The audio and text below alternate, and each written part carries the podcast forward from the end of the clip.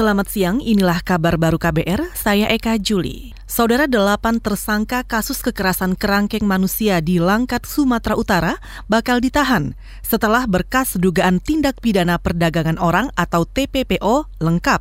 Penjelasan ini disampaikan polisi kepada Komisi Kepolisian Nasional atau Kompolnas menanggapi kritik terkait penanganan kasus. Berikut anggota Kompolnas Yusuf Warsim pasal yang disangkakan itu kan tidak hanya terkait dengan 351 penganiayaan. Kalau hanya itu prosesnya bisa cepat langsung ditahan. Tapi kan ini terkait dengan pasal yang disangkakan juga yaitu TPPO yang itu sedikit berbeda. Prosesnya tidak bisa langsung cepat. Anggota Kompolnas Yusuf Warsim juga menambahkan, penyidik berpandangan tersangka kooperatif dan tidak berpotensi menghilangkan barang bukti.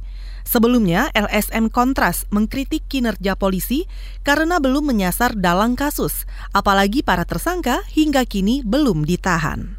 Kita ke soal ekonomi. Ekonomi kuartal kedua diyakini bakal tumbuh lebih dari 5 persen. Kepala Badan Kebijakan Fiskal Kementerian Keuangan Febrio Kacaribu mengatakan momentum Ramadan dan Lebaran akan meningkatkan konsumsi rumah tangga tapi memang levelnya masih cukup rendah dibandingkan 2019. Nah, gampangnya gini, apakah kita akan tumbuh 7%? Jawabnya tidak. Tapi apakah kita akan bisa tumbuh di atas 5%? Ini peluangnya cukup besar. Kepala Badan Kebijakan Fiskal Febrio Kacaribu menambahkan, THR dan gaji ke-13 juga diharapkan mendorong masyarakat berbelanja saat lebaran. Pemulihan ekonomi didukung pula oleh penurunan kasus COVID-19 dan vaksinasi yang gencar. Kita ke soal pangan. Empat komoditas pangan Indonesia masih bergantung impor.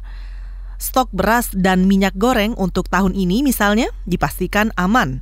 Hal itu disampaikan Sekjen Kementerian Pertanian Kasdi Subagio di DPR kemarin perlu ada pencermatan bahwa ada empat komoditas yang masih berafiliasi impor. Salah satu di antaranya adalah kedelai, eh, bawang putih, eh, daging sapi, dan gula konsumsi. Sekjen Kementerian Pertanian Kasdi Subagiono juga menambahkan, sudah membentuk gugus tugas untuk memonitor dan mengintervensi jika diperlukan untuk memastikan ketersediaan 12 bahan pokok tadi.